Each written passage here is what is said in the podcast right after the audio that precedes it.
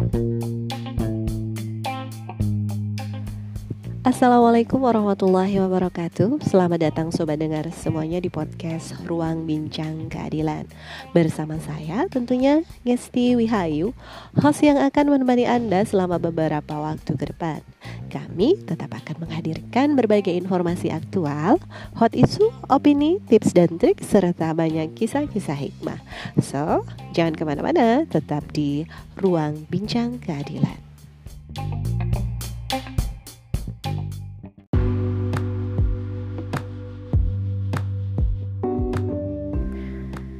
Sobat dengar semuanya, untuk episode kali ini kita akan menghadirkan satu narasumber yang menemani diskusi kita sambil membersamai teman-teman semuanya santap malam setelah buka puasa. Dan diskusi kali ini kita akan membahas tentang satu tema yaitu tentang parenting skill gitu ya, bagaimana mengajarkan puasa Ramadan kepada anak-anak gitu. Uh, selama ini tentunya ibu-ibu muda, para ibu yang memiliki putra-putri di usia sekolah dasar, saya yakin itu pasti memiliki kesulitan tersendiri untuk bisa membersamai putra-putrinya atau meyakinkan putra-putrinya menyelesaikan ibadah puasa Ramadan dengan sempurna satu bulan penuh itu.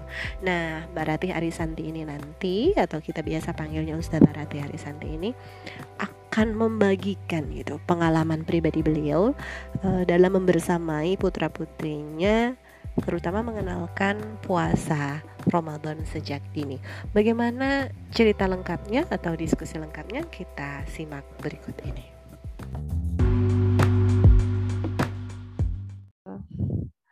Halo, assalamualaikum, Mbak Rati.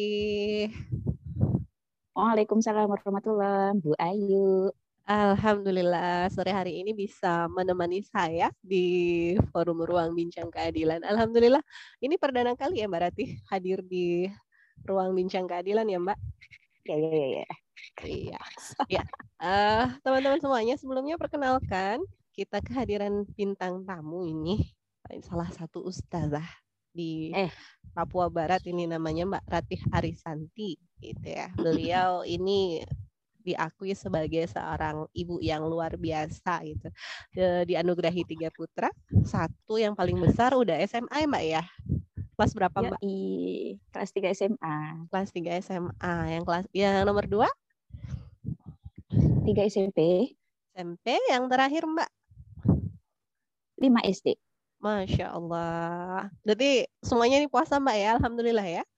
Alhamdulillah. Alhamdulillah. Nah, teman-teman semuanya, sengaja kali ini saya menghadirkan Mbak Ratih di uh, ruang dengar kita. Untuk apa? Kita mau dengarkan beliau itu ya, pengalaman beliau mendampingi dan membersamai putra-putrinya, tiga putra-putrinya. Eh, berarti sudah berapa Ramadan terlewat itu kan, supaya uh, mereka bisa menyelesaikan puasa-puasa Ramadan dengan baik gitu. Maka kita hari ini mau dengarkan nih pengalamannya Mbak Ratih uh, dari mulai anak pertama, gimana caranya Mbak Ratih mengajarkan puasa Ramadan dan sebagainya, kemudian bagaimana menjaga kebugaran dan sebagainya. Mungkin Mbak Ratih langsung aja bisa diceritakan Mbak Ratih tentang gimana tuh pertama kali mengenalkan puasa kepada anak-anak. Apa yang Mbak Ratih lakukan? Ya, Bismillahirrahmanirrahim. Assalamualaikum warahmatullahi wabarakatuh. Waalaikumsalam. Uh, pengalaman saya kayaknya mungkin sama dengan ibu-ibu yang lain ya. Cuma eh, karena anak saya itu 18 tahun yang paling besar, eh, pada masanya dulu dia kecil mungkin tidak semudah sekarang kita bisa mungkin eh, bisa mempelajari lewat YouTube, ceramah-ceramah eh, lewat YouTube dan sebagainya. Jadi emang pertama awal-awalnya itu agak sulit uh, mengajarkan mereka puasa nggak bisa langsung simsalabim mereka langsung dengan senang hati kesadaran melaksanakannya. Sebenarnya biasa ya anak-anak itu harus dibiasakan melakukan hal yang baik itu ya sejak mereka di dalam itu pertama yang pernah saya pelajari ya. Uh, okay. Caranya seperti apa? Caranya uh, ibu hamil itu kan sebenarnya waktu lagi eh, anak-anak masih di, dalam perut kita itu usia empat bulan ke atas itu sudah bisa diajak komunikasi sebenarnya. walaupun mungkin mereka nggak langsung nyaut gitu ya. Iya benar-benar. Ketika mereka sudah empat bulan ke atas, perut sudah ada, uh, di situlah kita mulai banyak-banyak berkomunikasi sama mereka. Mereka juga mendapatkan nutrisi dari ibunya gitu. Jadi ketika uh, kita uh, mengkondisikan mereka mulai berpuasa itu memang pada saat uh, sejak dalam kandungan. Misalnya gini, saya mau puasa. Uh, tentu mungkin bayangan saya nutrisi yang akan mereka rasakan itu nggak sama seperti ketika saya lagi puasa gitu. Nah sebelum saya berpuasa, biasanya saya ngajak lagi ngobrol gitu, dek, kami besok mau puasa nih gitu. Kita puasa yuk besok gitu. Ah, mungkin nanti rasanya pertama-tama nggak enak, tapi sabar ya, kita sabar sama-sama ya, kayak gitu. Gak tahu ini benar apa enggak gitu, tapi kalau ajak saya ngobrol ya, berarti mbak ya? Iya, banyak ajak ngobrol kayak gitu. Karena saya nggak mau uh, enak di saya tapi mungkin nggak enak di anak saya gitu. Itu sejak lahir eh, sejak dalam kandungan. Itu yang pertama. Terus kemudian kedua ketika dia sudah sudah lahir. Sudah lahir pun juga mungkin pada saat menyusui walaupun kalau di dalam agama kita kan ada uh, keringanan untuk ibu hamil ibu menyusui uh, mereka tidak tidak puasa pada saat itu juga tidak apa-apa gitu. Tapi pendidikan itu uh, dimulai ya sedini mungkin. Nah, ketika mereka lagi asik-asiknya menyusui, uh, terus kita apa ingin berpuasa, ya kita juga jangan egois gitu. Kalau menurut saya, saya ajak juga ngobrol ke mereka, dek, gitu. anak bayi, kita ajak ngobrol, dek besok Umi mau puasa nih, kita puasa sama-sama ya, gitu. Nanti yang sabar ya kalau misalnya, misal uh, rasanya mungkin tidak seenak pada saat kami tidak berpuasa. Terus begitu. Uh, ya itu semua tergantung dari kitanya dan juga kondisi anak kita. Jangan sampai mungkin gini, kita uh, ingin puasa, tapi ternyata kondisi anak kita lagi tidak memungkinkan uh, ibunya uh, uh, berpuasa, artinya kan kita jadi menzolimi. Nah dari kecil itu banyak-banyaknya komunikasi dan juga berusaha untuk saling pengertian antara ibu dan anak. Kemudian uh, sudah mulai uh, besar, kita kondisikan juga ke mereka. Saya terus terang agak terbantu juga dengan uh, sekolah ya. Tapi sebelum pernah sekolah, saya berusaha untuk mengenalkan mereka itu dengan masjid misalnya. Saya kenalkan suasana puasa itu seperti apa di masjid. Karena kalau kondisi di Papua itu kan tidak sama seperti asal daerah saya di Jawa gitu di Jakarta. Jadi sesering mungkin saya usahakan pada saat Ramadan uh, sering kita ajak juga berbuka di masjid, eh, bukan sering sih mungkin sesekali aja. Terus bersabar ketika mereka uh, coba berpuasa, kemudian rewel. Saya kurang ingat ya, anak saya awal-awal berpuasa itu, ya pokoknya kalau saya kita berpuasa mereka saya ajak ikut sahur. Kalau memang berpuasa mereka ingin puasa, oke okay, puasa gitu. Nanti kalau lapar boleh berbuka. Tapi habis itu puasa lagi ya. Itu usia sedini mungkin. Nanti ketika mereka sudah sekolah, kita coba lagi. Kakak, adik, misalnya puasa sampai jam berapa gitu. Bukan jam berapa ya, sampai maghrib atau sampai kita coba zuhur. Besok ternyata lebih uh, waktunya bertambah. Uh, misal dari habis zuhur jadi jam 2 siang, kemudian jadi jam 4, akhirnya bisa sampai maghrib ya kita kasih apa namanya eh, penghargaan. Penghargaan mungkin bukan nggak selalu rewardnya itu berupa materi ya tapi penghargaan berupa mau buka pakai apa gitu. Terus mau buka di mana itu jarang sih tapi kita lebih sering mau buka pakai apa terus mau hadiah apa eh, dan sebagainya. Negosiasi mbak ya? Ya negosiasi. Terus kalau misalnya besok besoknya lagi mau berpuasa kita besok mau puasa lagi mau ikut lagi nggak apa enggak gitu. Mau gitu. Anak anak-anak itu kan apa ya tidak bisa seperti kayak orang dewasa ya. Mereka harus dipancing dulu dengan sesuatu yang menyenangkan. Saya ingin mereka uh, dari awal itu melakukan sesuatu itu karena kesadaran karena kenyamanan dan mereka happy gitu mereka senang Jadi uh, saya usahakan kalau mereka senangnya apa sih? Senangnya kan main, senangnya dapat hadiah. Ya sudah kita kondisikan. Kalau kakak nanti puasanya selesai, kalau mbak gitu ya. Kalau mbak puasanya selesai, mau hadiah apa? Uh, tabungan? Ya mungkin untuk sebagian orang tua, kalau sehari misalnya sepuluh ribu, ya mungkin agak-agak bangkrut gitu. Tapi alhamdulillah lama-lama usia berapa mereka udah nggak terlalu ini lagi. Karena uh, dari kecil uh, mereka sudah merasakan ternyata puasa itu enak loh. Ternyata puasa itu selain kewajiban tapi juga ya kebutuhan gitu.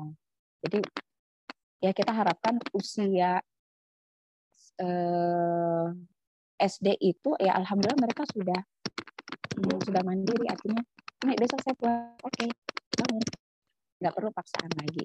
Ya, hampir semua anak-anak alhamdulillah seperti itu. Dan itu juga sangat terbantu dengan lingkungan sekolah.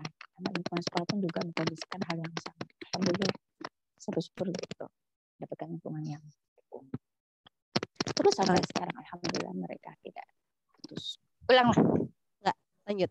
Uh, terus selama ini uh, apa yang Mbak Ratih lakukan gitu supaya menjaga anak-anak namanya anak-anak itu kan pasti dalam masa perkembangannya kan butuh banyak nutrisi itu Mbak ya. Karena mereka dalam masa bergerak, pertumbuhan dan sebagainya.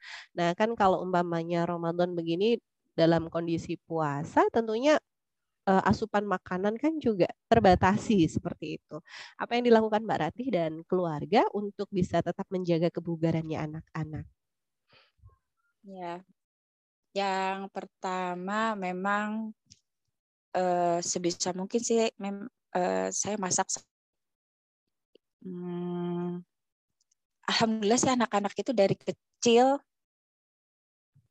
mudah makan ya. Maksudnya uh, kita masakin apa aja, insya Allah mereka uh, mereka syukuri dan mereka makan gitu. Tapi memang sesekali kita memanjakan mereka. Nah, kita jangan juga jadi orang tua yang saklek menurut saya sih ya walaupun mungkin saya dibilang galak gitu sama anak tapi cakep tuh jangan Hah?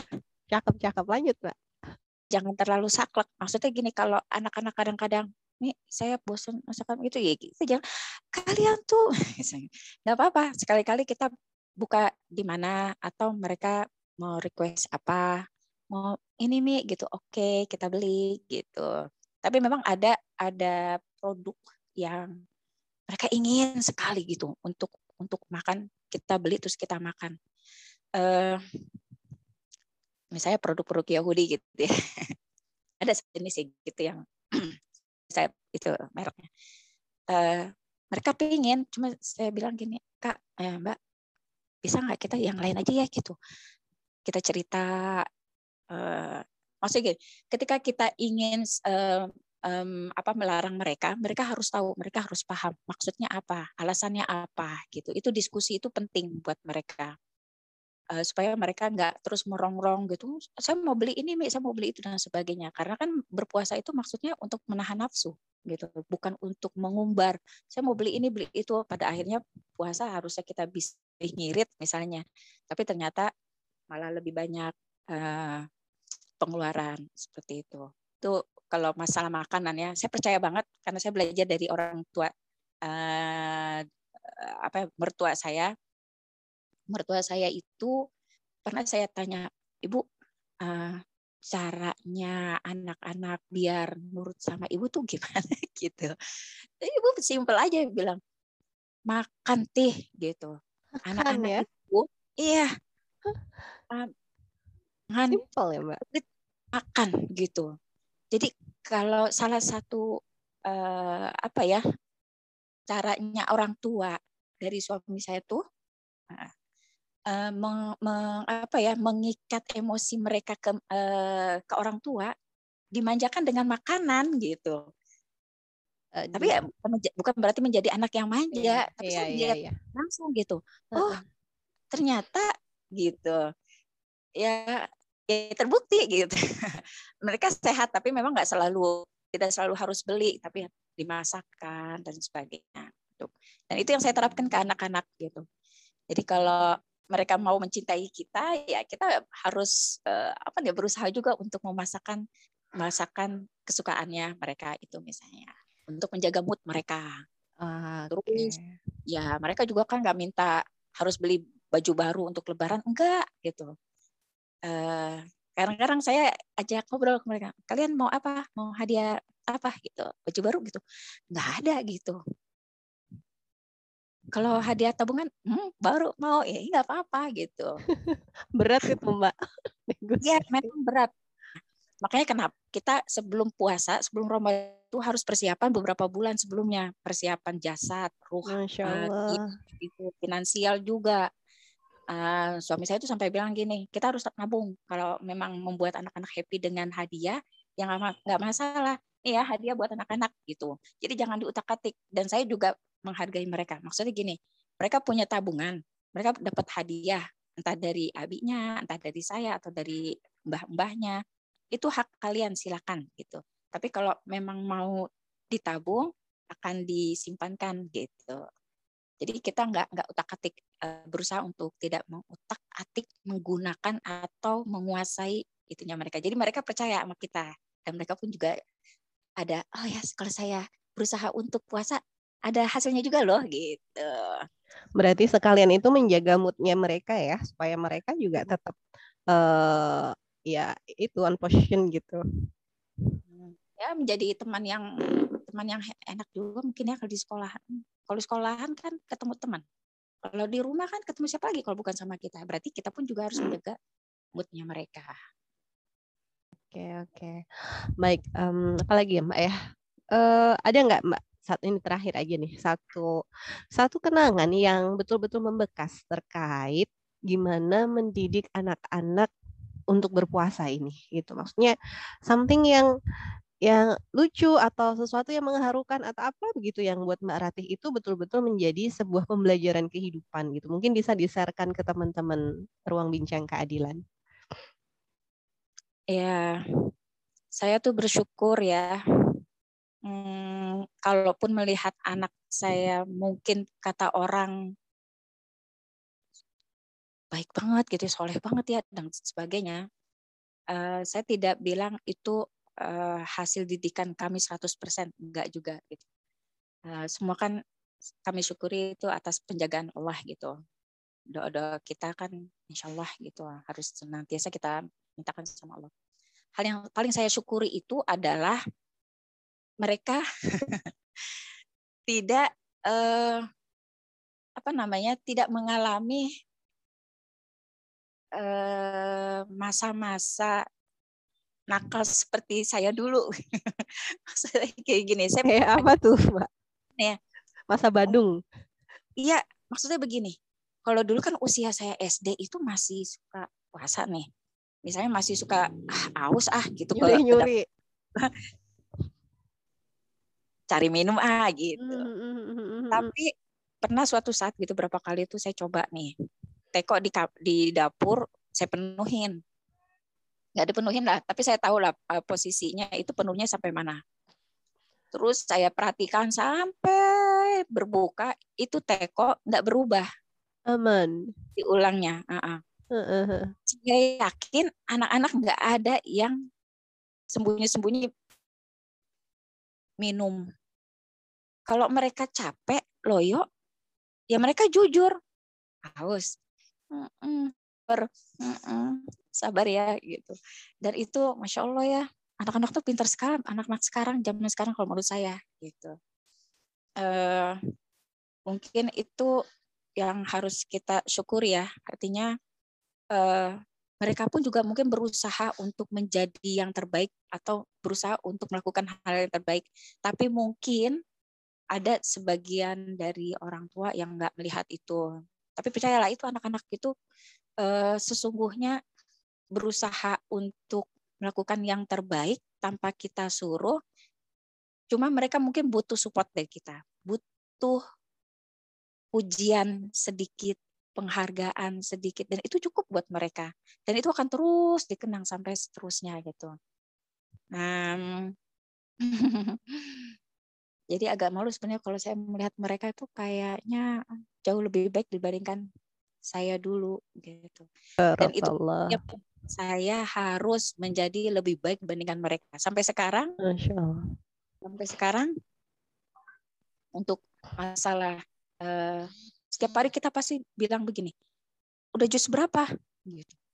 Udah sampai jus berapa? Udah sampai jus ini, aduh udah nggak jadi tidur, nggak jadi istirahat, kita kejar-kejaran. Udah jus berapa? Tiap hari itu yang ditanyain tuh, jus berapa, jus berapa?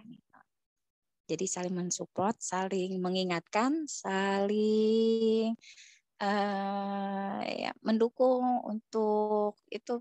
Mudah-mudahan uh, target-target amaliyah Ramadan itu tanpa kita sadari bisa diselesaikan, bisa tercapai. Harapannya sih seperti Amin, itu. amin, amin, amin, amin. Kita belajar ke mereka, mereka pun mungkin belajar juga sama kita. Cuma bagaimana apakah kita mau belajar sama mereka atau tidak? Artinya jangan okay. menuntut mereka belajar sama kita. Siap. Siap. Siap Mbak Rati. Kayaknya ini tadi cerita kehidupan yang penuh makna gitu ya. Jadi bagi-bagi ibu muda seperti saya khususnya banyak Aku hal yang juga. bisa diambil gitu. Banyak hal yang bisa diambil. Kayaknya kalau soal kebadungannya sama, badungan anaknya gitu ya. Tapi kalau untuk anak-anak memang sepertinya anak-anak sekarang itu memiliki kecerdasan dan juga apa ya ya itu tadi lah seperti Mbak Rati bilang lebih hebat daripada emaknya gitu. Iya. Uh, terakhir Mbak Rati mungkin uh, pesan yang ingin disampaikan kepada para ibu-ibu, para emak yang sedang berjuang untuk menjadikan anak-anaknya soleh, solihah seperti apa? Monggo silahkan. Yang pertama tentu kita berdoa minta sama Allah karena sebaik-baik penjaga itu ya yang terbaik ya dari Allah gitu. Uh, mereka kan hanya titipan sama kita untuk kita. Gitu. Ya walaupun ujiannya semakin besar mereka kan mereka semakin dependen ya. Artinya uh, semakin kelihatan kadang-kadang uh, tidak mau diaturnya sama kita. Ya itu saya pun juga harus belajar. Terus yang kedua, kalau mereka uh, kita menginginkan mereka menjadi anak yang solid dan solihah, berarti kan kita juga harus eh, mendidik diri kita juga menjadi solid dan solihah kan ya, kayak gitu. Jadi jangan sampai mereka melihat kita, uh, ayo sholat, tapi kita sendiri masih pegang HP, misalnya asik gitu dan sebagainya. Terus kita nyuruh mereka ngaji, kita nyuruh mereka ngaji tapi kita nggak ngaji gitu. Jadi ya um, intinya kalau mereka menginginkan uh, kita menginginkan mereka menjadi anak yang soleh dan soleh uh, didik kita juga gitu untuk menjadi soleh dan solehah kemudian yang ketiga jangan malu untuk terus belajar um, saya termasuk yang suka uh, mendengarkan Eh, datang misalnya datang ke orang tua terus mendengarkan nasihat mereka karena saya yakin pengalaman mereka tuh jauh lebih banyak dibandingkan kita gitu. Uh, jadi yang ketiga itu banyak-banyak menerima hmm, masukan nasihat dari orang tua. Dan yang keempat apa ya? Yang keempat ya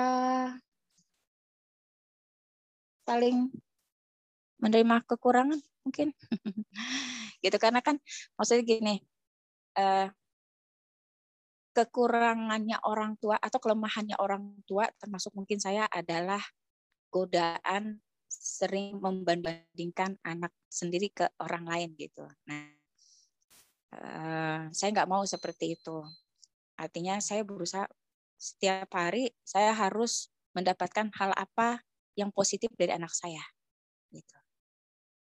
Eh, mereka belajar setiap hari, saya pun juga harus belajar setiap hari gitu. Setiap ketemu sama mereka, dialog dengan mereka, hal apa yang harus saya dapatkan hari ini, hari besok dan seterusnya. Ya, mungkin itu kali ya. Oke, baik. Jadi itu tadi ya pesannya banyak hal gitu. Tidak hanya sekedar menuntut anak-anak kita untuk menjadi pribadi yang soleh solehah, tapi yang paling utama orang tuanya dulu nih yang ngasih teladan gitu ya Mbak ya yang si teladan yang menjadi lebih baik terlebih dahulu seperti itu. Baik Mbak Rati, terima kasih atas waktunya. Semoga kita bisa ber, jumpa lagi nih, berdiskusi lagi di lain kesempatan, mungkin besok lagi. Uh, semoga bermanfaat untuk saya. Insya Allah untuk kita semuanya juga. Gitu. Terima kasih Mbak Rati atas kehadirannya. Sama, mohon maaf ya kalau ada kekurangan dari apa yang saya ungkapkan tadi. Semata-mata.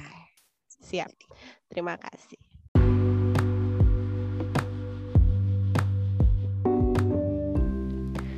Demikian tadi diskusi kita, sharing kita bersama Ustazah Arisanti yang sudah menceritakan tentang pengalamannya membersamai ketiga buah hatinya dan mengajarkan bagaimana seorang hamba meskipun masih anak-anak untuk berpuasa Ramadan selama satu bulan penuh tentunya dengan berbagai permasalahannya kemudian berbagai cara ataupun trik supaya anak-anak uh, tetap semangat Ramadan dan sebagainya seperti yang tadi sudah dijelaskan dan tentunya dengan diskusi ini tadi memberikan semangat kepada kita para ibu-ibu muda untuk bisa meneladani mengambil kebaikan-kebaikan dari cerita hidup beliau tadi. Nah, sobat dengar semuanya, uh, berakhirnya diskusi kita kali ini. Berarti berakhir pula episode kita. Dan terima kasih atas atensi teman-teman di ruang bincang keadilan episode kali ini. Kita bertemu lagi esok hari tentunya dengan topik yang berbeda. Dan pastikan teman-teman untuk senantiasa ingat PKS pastikan cuci tangan kenakan masker dan selalu jaga jarak. Corona masih ada di sekitar kita. Saya Ngesti Hayuning Tias undur diri. Assalamualaikum warahmatullahi wabarakatuh.